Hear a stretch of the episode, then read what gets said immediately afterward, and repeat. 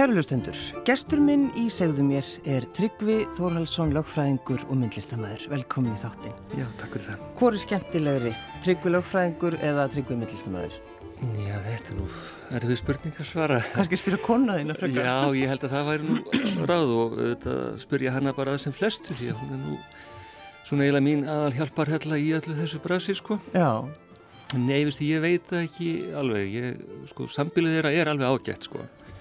Þetta er ekki eins og þetta sé sko Dr. Jekyll og nei, Mr. Nei, Hyde nei, sko. akkurat.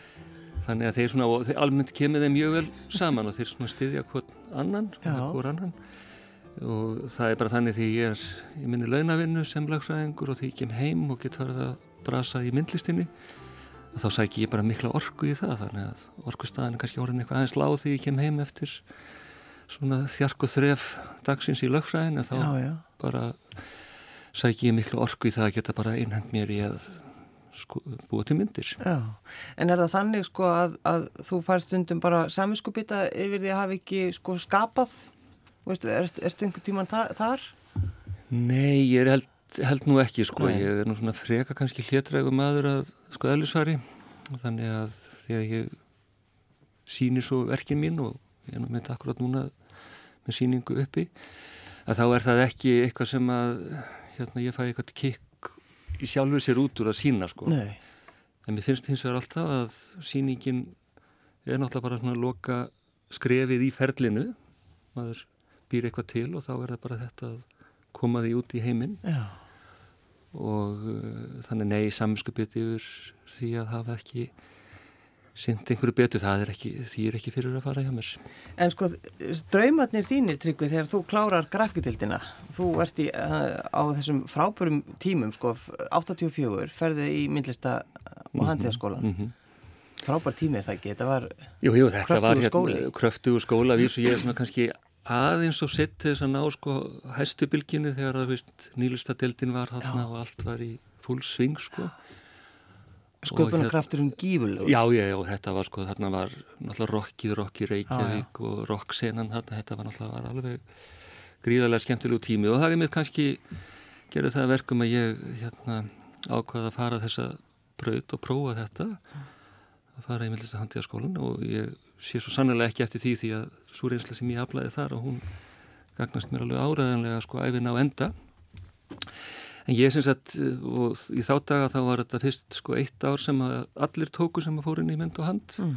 sem var svona undirbúningur og ég kem þar inn og þykki vera góðu teiknar og þá er alltaf bara sagt um að það blasir við hjá þér að fara í grafiktildina og ég fór þangað og fekk mjög góða leðsögn og mentun þjálfin í að nota þessa gamlu grafísku aðferðir og frábæri kennarar þar En síðan kláraði ég þarna voruð 88 og hann kom með ómegð þá, kom með stóra fjölskyldu. En þá er sérst það svo þegar ég ætla að fara að framlega svona einhverja grafík og svona þá hefðu Íslandíka kift svona þá grafík sem þeir ætla að kaupa næstu árin. þetta var nefnilega þessu tíma að maður mann eftir því þá var hvað hefur að kaupa? Já, ekki bara að kaupa grafíkmynd. já, já, þetta var svona svolítið útbreytt og Þannig að þetta var svona, ég var kannski aðeins á eftir öldufaldinu þarna Já, líka sko. rétt mistur á þessu. Já, þannig að ég þurfti fyrir fjölskyldu að sjá og þá þurfti ég nú að finna þá einhverja launavinn og ég var nú svo heppin og lánsamur, ég fekk vinnunir í menta- og menningamálar ráðanetti, á þeim tíma þá voru starfandi í ráðanettinu svona, já, sérfræðingar, þetta var nátt bara að kalla upp á skandinavísku konsulentar sem voru svona bara ráðgjafar. Já fyrir ráðanetið í þessum helstu listagreinum og þarna voru náttúrulega alveg frábært fólk. Kristinn Hallsson var þarna þá starfandi fyrir tónlistargreinarnar og söngin Sigrun Valbergs var þarna fyrir sviðslistinnar og ég er sem sagt fengið þetta inn til þess að vera svona já ráðgjafi um málefni myndlistar. Ég staldraði mér þarna ekkert mjög lengi við en nógu lengi allavega til þess að átta með því að og að starfa í ráðunetti þá fyrir ekki tjá því að maður sér svona með í kallfæri vilafræðin og þá áttaði mig á tvennu. Annars vegar að ég hafði nú svona áhuga álagfræðinu, hún hafði talaði svona eitthvað til mín sko. Og kom það þér á óvart? Það kom mér nefnilega verulega óvart ég áttaði mig síðan líka á því og það var hitt hín uppgötunum að ég var fullur af fordómum í karð lagfræðinar þannig að ég þurfti fyrst að vindu hana fordómunum en sá síðan að hérna ég myndi vilja leggja eitthvað svona þetta fyrir mig ef ég þurfti að sjá fyrir mér og mínum þannig ég fer hérna í lagatild HÍ hérna 1990-91 og klára svo lagfræðina hérna 1995 mm. og er þá komið með þetta þetta kombo Já Þetta er nefnilega svolítið, það er eitthvað, eitthvað við þetta, þetta er eitthvað svona skemmtilegt. Já, ég, sko, ég, ég ætlum að fá að taka mjög skýrt fram að ég er alls ekkert einn um þetta, sko. Nei, nei. Við nei, erum nei. fleiri hérna, einn ágættu kollegi minn, hann er líka starfað sem lagmaður og er fítmillistamæður. Og svo sagði Sigurður Líndal mér einhver tíman að hérna ættfæðir hans, hann nú Brím, og það var sett gumlugur gamli Brím held ég að mm. forfæðir Sigurðar hafi heitið að hann var svona samskipa Torvaldsen í Akademíin í Kaupmannahöfn einhvern tíman þarna á 19. öldinni eða 18. eða 19. öldinni, mann og ekki hvort var Já. Og hann klárar Akademíin í Kaupmannahöfn á sama tíma eins og Torvaldsen en áttar sér síðan þá á því að hann hérna, gætnum kannski ekki alveg að synda þessu þannig að hann fór þá í lagfræðina á eftir eins og ég Já. kláraði hann og varð góður og gegn síslumæður hér upp á Íslandi þegar hann flutti svo heim. Já, já, nokkulega. En þannig að þú, þú uppgötar þetta einhvern veginn í, í ráðuneytinu, að þetta sé eitthvað? Já, það svona var uppgötunum þar. Og ferð svo, býtu, þú ert, er það ekki tryggur, þú fórst strax að vinna hjá sambandi sveitafélag eða hvað? Nei, ég var nú síðan að vinna á ýmsum stöðum hérna eftir ég klára, klára lagatildina. Ég hérna, var allir að vinna fyrst á eigilstöðum og svo vann ég nokkur ára á, hjá, á höfni Hotnafyrði og það er einmitt að kynntist í sveitafélagi að gera en ég var að vinna hjá sveitafélaginu Hotnafyrði mm. Það var hann í kringum aldamótin. En, en síðan byrja ég að vinna hérna hjá sambandi Íslenska sveitafélaga núna 2009 ég er sem búin að vera það núna í árumlega tíu ár. Og kann afskaplega vel við mig þar. Þetta er nú einhverja albesti vinnustöðu sem ég hef starfað á. Og það sem er allra best er það að lagfræði verkefnin sem ég sinna nú hérna er eina sinna að þau eru svo óbúslega fjölbreytt. Og ég hef alltaf sagt í lagfræðinni ef að maður er bara með eitthvað sem er nógu fjölbreytt að þá er þetta bara ágættustu bíti sko. Já, já, já, já. En sko hvað nákvæmlega, hvað gerir samband sveitufélaga? Hvað er það sem þið eru að... Já, sambandið er svona þessi sameigilegi málsvari sveitufélagana í landinu. Já og við höfum svona eins og, já, já, eins og ég lýsi þessu út frá lagfræðinu, við höfum svona tvenns konar hlutverk, við erum annars vega náttúrulega bara í því aðstóða setjafélagin í sínum dagstaglegu verkefnum og þau eru alveg ótrúlega mörg, ég held að komi öllum þeim á óvart sem að kynast setjafélagunum hvað verkefnin eru mörg sem að setjafélagin er að sinna mm. þannig að við þurfum aðstóða setjafélagin í þessum verkefnum og gerum það en síðan er nú hitt eitt stóra verkefni og það er svona hagsmenn að gæsla að hólu sveitafélagin og einhvern þá kakvart ríkinu. Mm. Þurfum að passa upp á það þegar að er verið að semja lög, kjóðreglu gerðir og svona allir þessi lagarami að þessi lagarami taki næjanlega tillit til hagsmenn og sveitafélagina og það er bara eilíðar verkefni sem að tekur sjálfsagt aldrei enda þetta. En þú hefur svolítið, er það ekki verið á velferðarsviðinu, einhvern veginn hefur það þróast þannig, Tryggvi? Já, það eiginlega hefur axlast þannig. Ég byrja að vinna þarna hjá sambandinu 2009 eins og ég sagði og þá er farið að tala um það að flytja stóran þjónustu þátt sem er þjónustu við fallað fólk að færa þessa þjónustu frá ríkinu yfir til sveitafélagana og þetta er gert þarna í lok ást 2010 eða máramótin 2010-11 og þetta er auðvitað náttúrulega mjög stórt verkefni að flytja á milli stjórnsýslistiga þetta er stærsti verkefnaflutningu sem hafði þá átt sér stað frá því að grunnskólinni flutti frá ríki til sveitafélag 1996 þannig að þetta var og reyndist þú bara að verða svona þóltið mitt megin verkefni hjá sambandinu þarna mörg ára og eftir og er reyndar ennþá við erum ennþá að sísla við að finna út úr því hvernig sveitafélagin sinna þessum íbúum sínum sem best. Já, þannig að Tryggvið, þú veist þá ímislegt bara svona hvað fólk er að gangi í gegnum á hverjum einasta degi? Jú, jú, það fer ekki tjá því að við hérna, heyrum ímislegt svona utan af agrinnum, það er bara, er bara þannig en mm.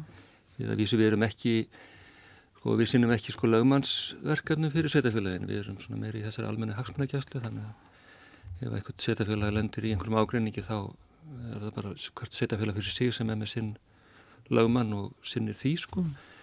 en svona, alltaf þegar mál hafa svona skýrskotun til nokkura sveitafélag eða margra sveitafélag eða þeirra allra að þá nú held ég mjög nærtækt að sambandi komið þar að og komið þá fram fyrir hönd hildarinnar. Já, já. Þú er ekkert alltaf út í pólitík, Tryggvi. Það er kannski einhverju sem að stoppa við Tryggvi Þórhalsson. Kveikir einhverjum bjöllum? Já, já, það var nú einhver samstagsmaðurinn hérna fram með áðan sem að kveikta á þessu og ég, ég hef nú einhver tíman sagt að Já, það var Andri Freyr með okkar augum, sko, það var ekki ég. Ég var að koma fram. Það var hann sem sagði frá þessu. Sko, ég hef nú stundum, stundum sagt svona í miklum hálkjæringi, það var að taka það fram að það væri nú kannski einna helst, sko, framsóknar menn á grafabakkanum sem að gerðu þessa tengingu, að fyndu þessa tengingu, já, já. En, en jú, Tryggvið Þórhalsson sem að var fósættisráð þeirra hérna frá 27 til 32 eh, ef ég mann rétt, að mm. hann er afið minn Þannig að þessi dó langt fyrir aldur fram, dó 1935, bara 46 ára gammal, þannig að þegar ég fæðist að þá er náttúrulega áratugir frá því að hann fjall frá. Já, Hva, hvað kom fyrir? Akkur dó hann svona ungur?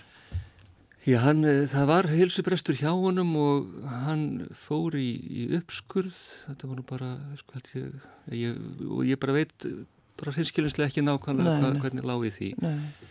En hann fór í uppskurð sem að átti svona reyna að hérna bjargunum en, en það tókst ekki þannig að hann mm. lést bara þarna í þessari aðgerð sem hann fór í.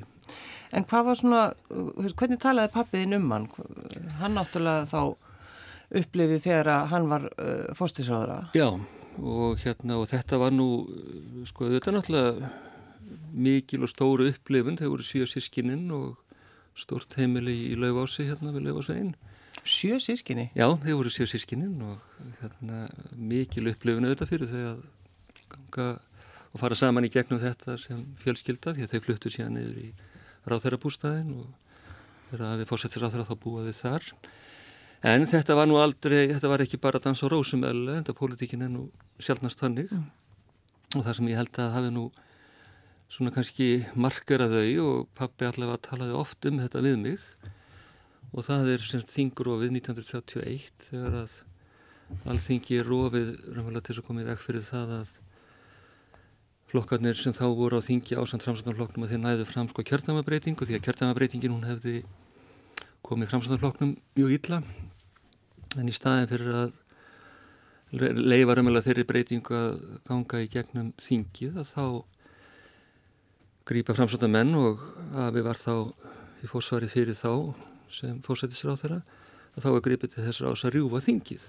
Þannig að þingið komst ekki til þess að afgreða þessar breytingar heldur var bara sendt heim og síðan var kosið og í þessum kostningu þá var kosið eftir bara gamlu reglunum eins og þær höfðu verið og þær voru framstæðarloknum mjög hagfeldar því að framstæðarlokkurinn fær með luta þingsæta þarna í þessum kostningum út á 31% atkvæða.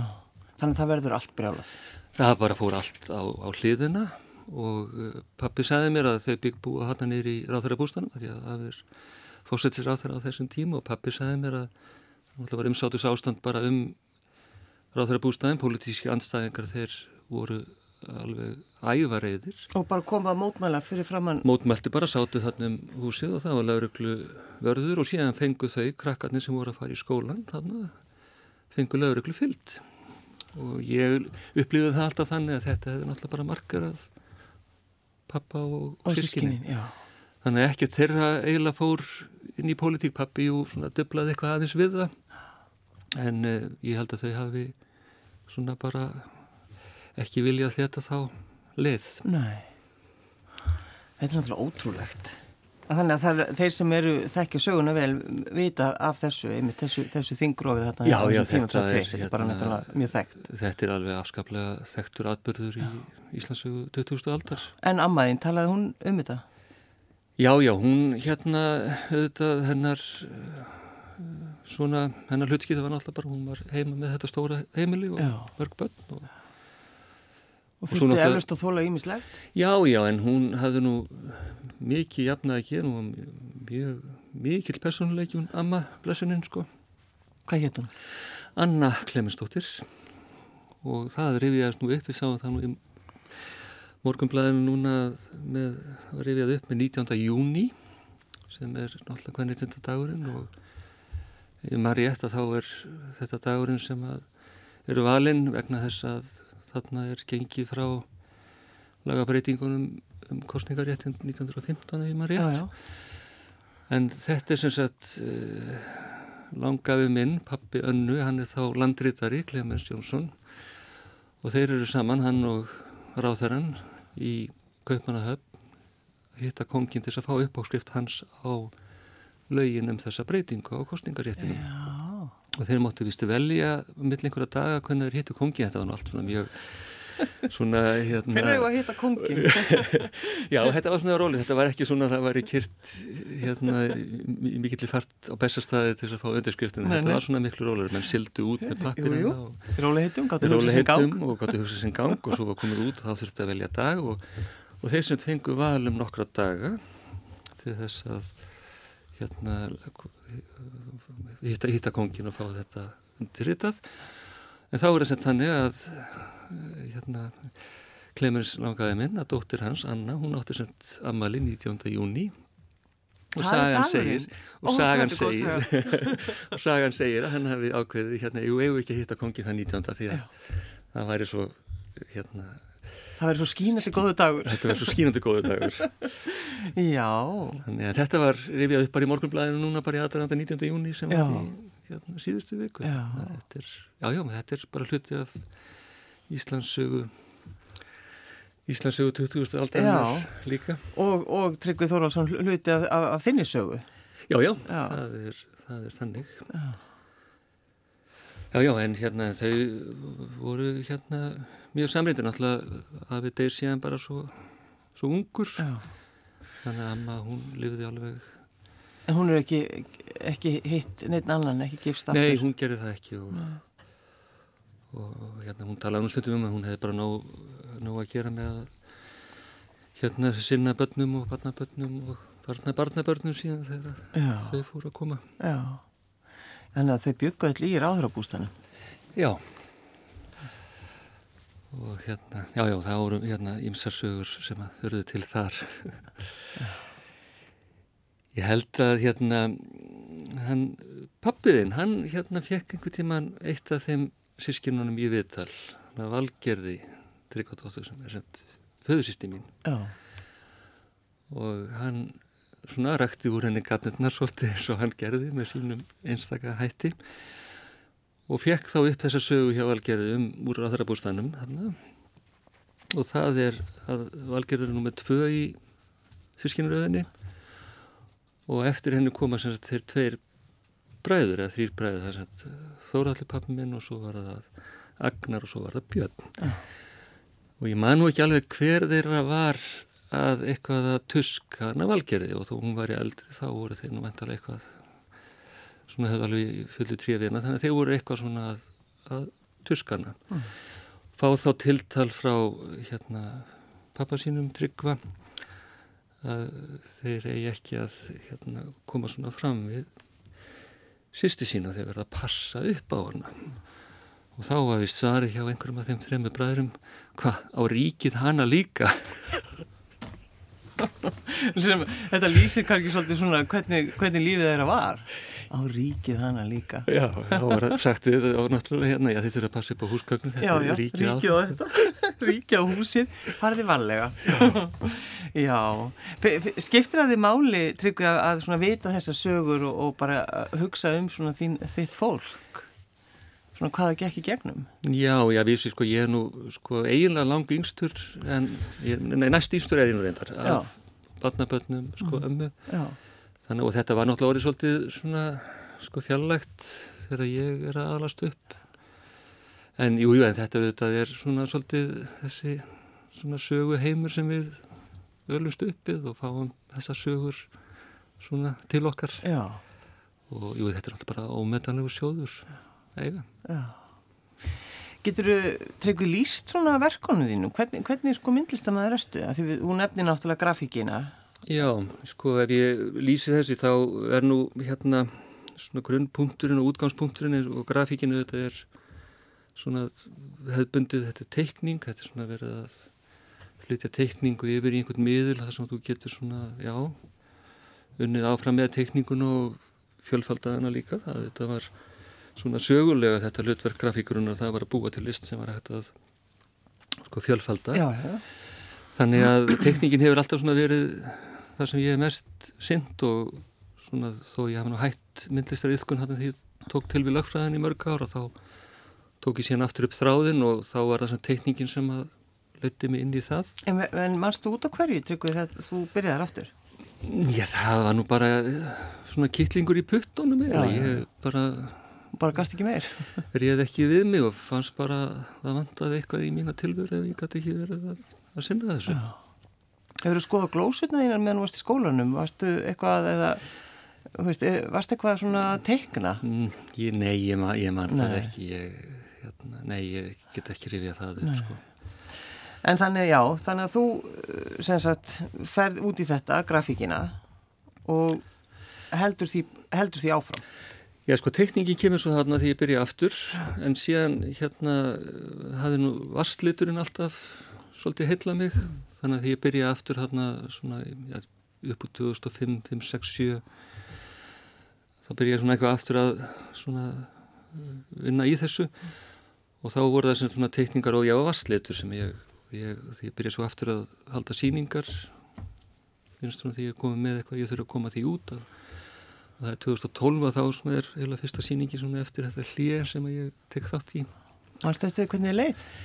Á, já, ég, ég, já, ég var nú held ég bara ánæði með að fá að hitta mjög margt fólk og, og hérna og það hefur aldrei verið þannig að ég hef verið eitthvað mikið stressaður á síningum það er ekki þannig, mér finnst svona, já, bara þetta sé hluti að ferlinu bara koma þessu út og, og þá get ég bara svona klárað ákvæmðar ákveðin verkefni sem ég hef verið með. En síðan hef ég nú sko, eftir 2012 á síningu þá hef ég nú sínt sko bara alveg svona þessi klassísku grafík. Ég var þess með þurrnál sem er nú eiginlega upprunulega en upprunulegasta grafíska aðferðin. Ég hafa með þurrnálarseríu sem ég sínti á Dalvík og í Mósirsbænum 2015 og 16 en núna semst er ég með hérna e, teikningu sem ég meðhendla í já ég tölvu eiginlega. Með aðferð sem að hérna ég segi bara fullum fettum að ég er grafík bara fyrir ekki að dofna því því að þetta er ég er hérna að vinna með alla þessi klassísku element úr grafíkinu sem er að vinna positíft og negatíft svona að spekla hlutum eins og grafíkin gerir tekník í grunninn en þetta er síðan liturinn kemur síðan þarna inn í þessari vinslu Já og þetta er svona síning sem hangi núna upp í sal Íslenska grafíkurnir í Hafnarhúsi. Þetta er svona í sama húsi eins og listasab Reykjavíkur við Rífakakötu en það er gengið inn í salin sko Hafnarmegin. Og síningin hann verður þarna uppi fram, fram á næstu helgi. Og, og þetta er svona svona verk sem að ég, það sem að tekningin eiginlega er gerð til þess að reyna að fanga svona kraftin í sjónum yfirskriftin er ríki sjávar og ég er svona að reyna að fanga svona þessa tilfinningu að standa við breymsortna strönd og meðtaka ölduna þegar hún kemur að landi. Já, ertu sko eitthvað svona sérstaklega tengdu sjónum þá eða, Tryggvi? Nei, ég... Erum við það ekki öll svo sem? Jú, jú. Það er eitthvað við hérna... að standa við, við ströndina, sko. Og Pétur afi minn, sem sagt, ekki Tryggvi afi sem að helgaði þessi stjórnmálanum þarna á sinni tíð sem að vissu var allt of stutt en, en Pétur afi minn sem er þá móður afi minn hann var skipstjóri alla sína tíð þannig að jú það eru svona tengingar en ég getur alla sagt að ég hafi mýið í seltansæ, það er nú mm. alla þannig sko Nei. en bara þetta að vera á svona vera eigaskeggi eins og við erum alltaf öll þetta síjast inn hjá okkur að við erum með sjóin á alla Já, kanta Við þurfum samt stundum að minna okkur á það að við erum búum að eigu við erum, við erum svo stór. Já, við vorum nú rækilega mynd á þetta núna við erum á eigu Já, já, nákvæmlega. Og þess vegna segi ég nú þarna í þessari síningarskrá sem er út af síningunni núna niður frá að þetta er svona, það er svona COVID tenging í þessum í þessum verkum, vil ég meina. Já. Maður verður oft skapandi, listamenn verða mjög skapandi á erfiðum tímum. Já, ég sá að það nú heldur betur núna í þessari, í þessu, já, ástandi, hvað Já, listafólkið hérna var fljótt til og það er náttúrulega það sem er þessi frábæri kostu listarinnar, hún er svo snögg til alltaf, meðan að svona þjóðmálinn og pólitíkin getur verið mjög séf að segna þá. Listin er alltaf að putta hann á púlsinum. þannig að þetta er kannski svona einmitt að því að það, þú lýsur þessu svolítið kannski veldryggi með lögfræðina og myndlistamannin, það, þetta er akkurat kannski munurinn. Já, ég held að það hérna með ég alveg líta þannig á og svona einhver óþólum og mæði sem að ég upplifi í launavinnunni að hlutur séu ekki að ganga neitt sérstaklega hrætt að því ég vind með síðan yfir á hinvængin að þá get ég notið þess að vinna hlutina bara mjög hrætt. Já, já. Hvað áttu að börnum, Tryggvi? Heyrðu, ég hérna á eila mörgbörn því að. Hérna með minni fyrri eiginkonu á ég þrjár dætur. Og það er nefnitt hérna þessi ómeð sem ég nefndi á þannig var, var komið þegar ég kláraði myndlista á handliðaskólan hafði 1988 þá voru það orðna þrjár Já, já. elskulega dætu mínar. Og hérna en síðan eh, er ég tvígiftur og kona mín núna Solborg við eigum hérna einn strák saman sem er nú reyndar ekki stráku lengur því hann er orðin fullorðin og komin á yfir tvítugt og Solborg á síðan tvær dætur einnig þannig að saman er þessi sískinahópur þau eru svona sex sískinu saman. Hún er næstu af hennum ömmu með sjö, sjö Já, sískinni. Hún munar engu, það munar ekki miklu, en síðan eigum við þetta líka mörg barnabötn og það er bara afskaplega, afskaplega gaman. Og ég segi síðan alltaf að þessi þessi sonur okkar að hann er náttúrulega svo ótrúlega lánsamur að eiga þarna þessar fimm eldri sístur Já. Það er hægt að græða heilmikið á því. Já, heldur betur Já. Og þegar þið bjóðið í sundarslærið, hvað er þið þá mörg við borðið? Já, það er nú svona aðeins sko misjamt en að því að þær búa nú í útlöndum núna tvær af dætri mínum. Helga er búsett í, í Svíðþjóð og Halla er búsett í, í Danmörku. Halla er að vísu hér á landi á núna um þessar myndir og afskaplega gaman en, en svona en þegar að áramóta bóðin, gamláskvöldsbóðin voru sem stæst að þá þurftum við að snæða á tveimur borðum. Já, það er akkurat. Það er alltaf gaman um að hugsa, já, ég þurftum að fá lánaða stóla hjá nágrunum. Getur líka verið þannig. Já, já, það, það var alveg þannig í, í þetta skipti en, en, en við eigum mjög stort borði í eldhúsinu og, Já, og núna þegar Halla og, og Jói hennar eru á landinu þá ég, ég minnir að við höfum verið 11 núna já. síðast við settast niður. Ægilega góð tala. Já, Og hvað gerir konaðinn? Heyrðu Solborg, hún hérna er nú bara í ferðarþjónustu búin að vera alla sína tíð. Byrjaði snemma, byrjaði snemma krókurinn hjá henni í átt að ferðarþjónustu og svo hefur hún verið já, að reka hótel meir og minna alla sína tíð. Hvað hittir hana? Heyrðu, það er nú bara þannig að ég hitt hana á hérna uh, 13. fagnaði á Sólun Íslandus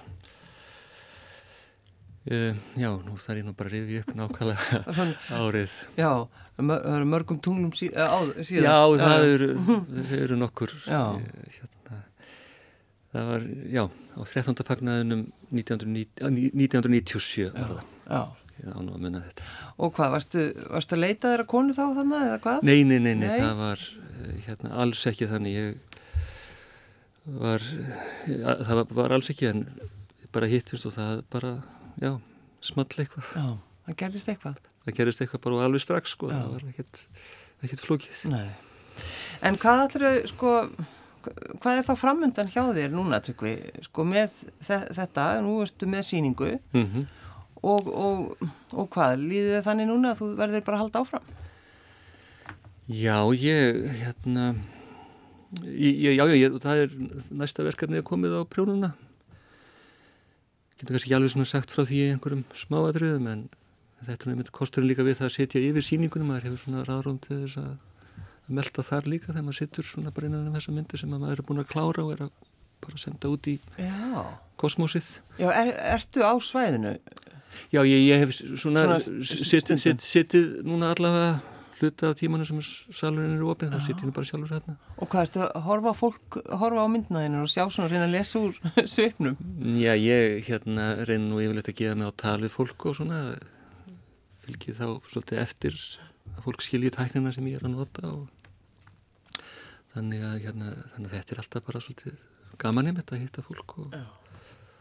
fá svona nýja sína á, á viðfóðsefnin en svo hérna alltaf er kannski ekki stöðutrennir í og þá sittum maður bara að vera að pæla og þá um mitt kvikna kvikna hugmyndir. Ég hef nú áður verið þannig í grafíksalunum, ég var með síningu í grafíksalunum 2013 og þá mitt ég ekki nú þessa hugmynd að þessari þurr nálar sirju sem ég sagði frá þann að það var síðan hengt upp hérna á Talavík og í Mósursbænum mm. og það voru sem sagt svona þurrgrítar, neða þurr nálar segi grafík af íslenskum fjöllum. Og það var svona 51 fjall. Gæt nú ekki þetta í kynna að ég hefði nú verið að taka þátt í einhverju verkefni. Já, já, sem margir, margir hafa gert. Hjá hérna ferrafélagin, það var nú ekki þannig, þetta voru nú bara svona fjöll sem ég hefði náða að verða fyrir mér og var semst að koma þeim til skila í, í grafík. En hugmyndin að þeirri seríu fekk ég þegar ég satt hann yfir síningunni nýri grafíksalum Það er ekki takt að listin sko, það er ekki takt að stoppa þetta. Nei, hún lætur aldrei að sér hæða sko. Mm. og bara þetta að þurfa að fara af stað og þessi kýtlingur í puttunum, hann fyrir ekkert frá manni. Tryggvi Þórhalsson, lagfræðingur og myndlistamæður Takk fyrir að koma. Takk fyrir mig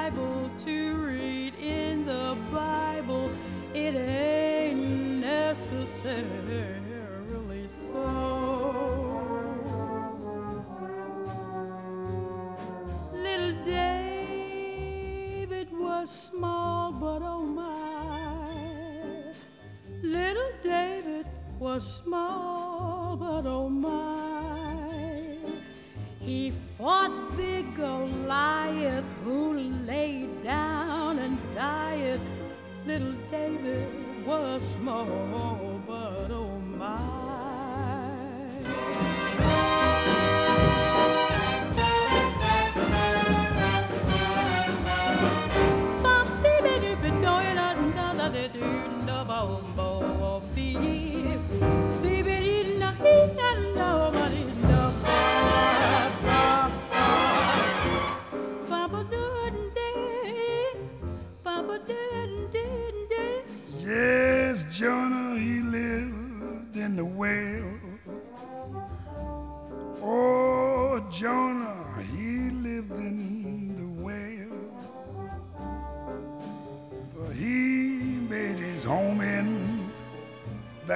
Fish abdomen. Oh, Jonah, he lived in the well.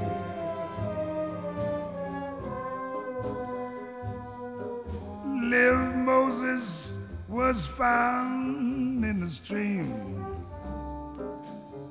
Little Moses was found in the stream.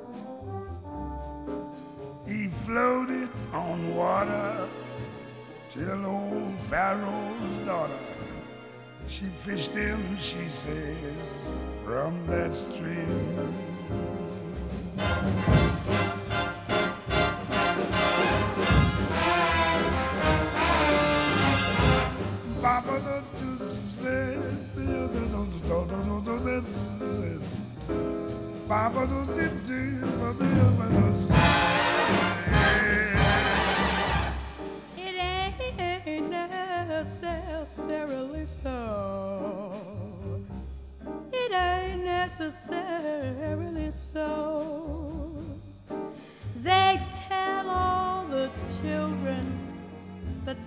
A villain, but ain't necessarily so.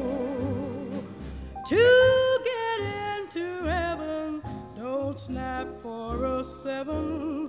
Live clean, don't have no fault. Oh, I take that gospel whenever it's possible, but with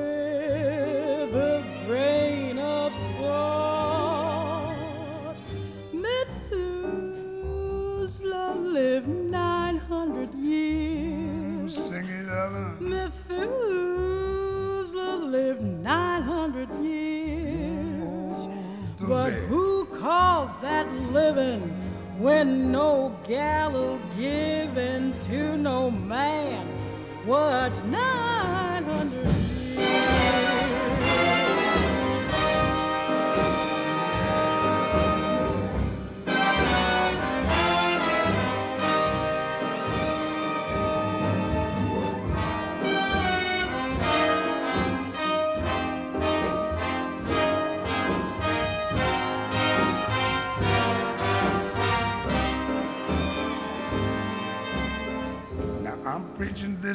sermon to show Ain't necessarily, ain't necessarily. Ain't necessarily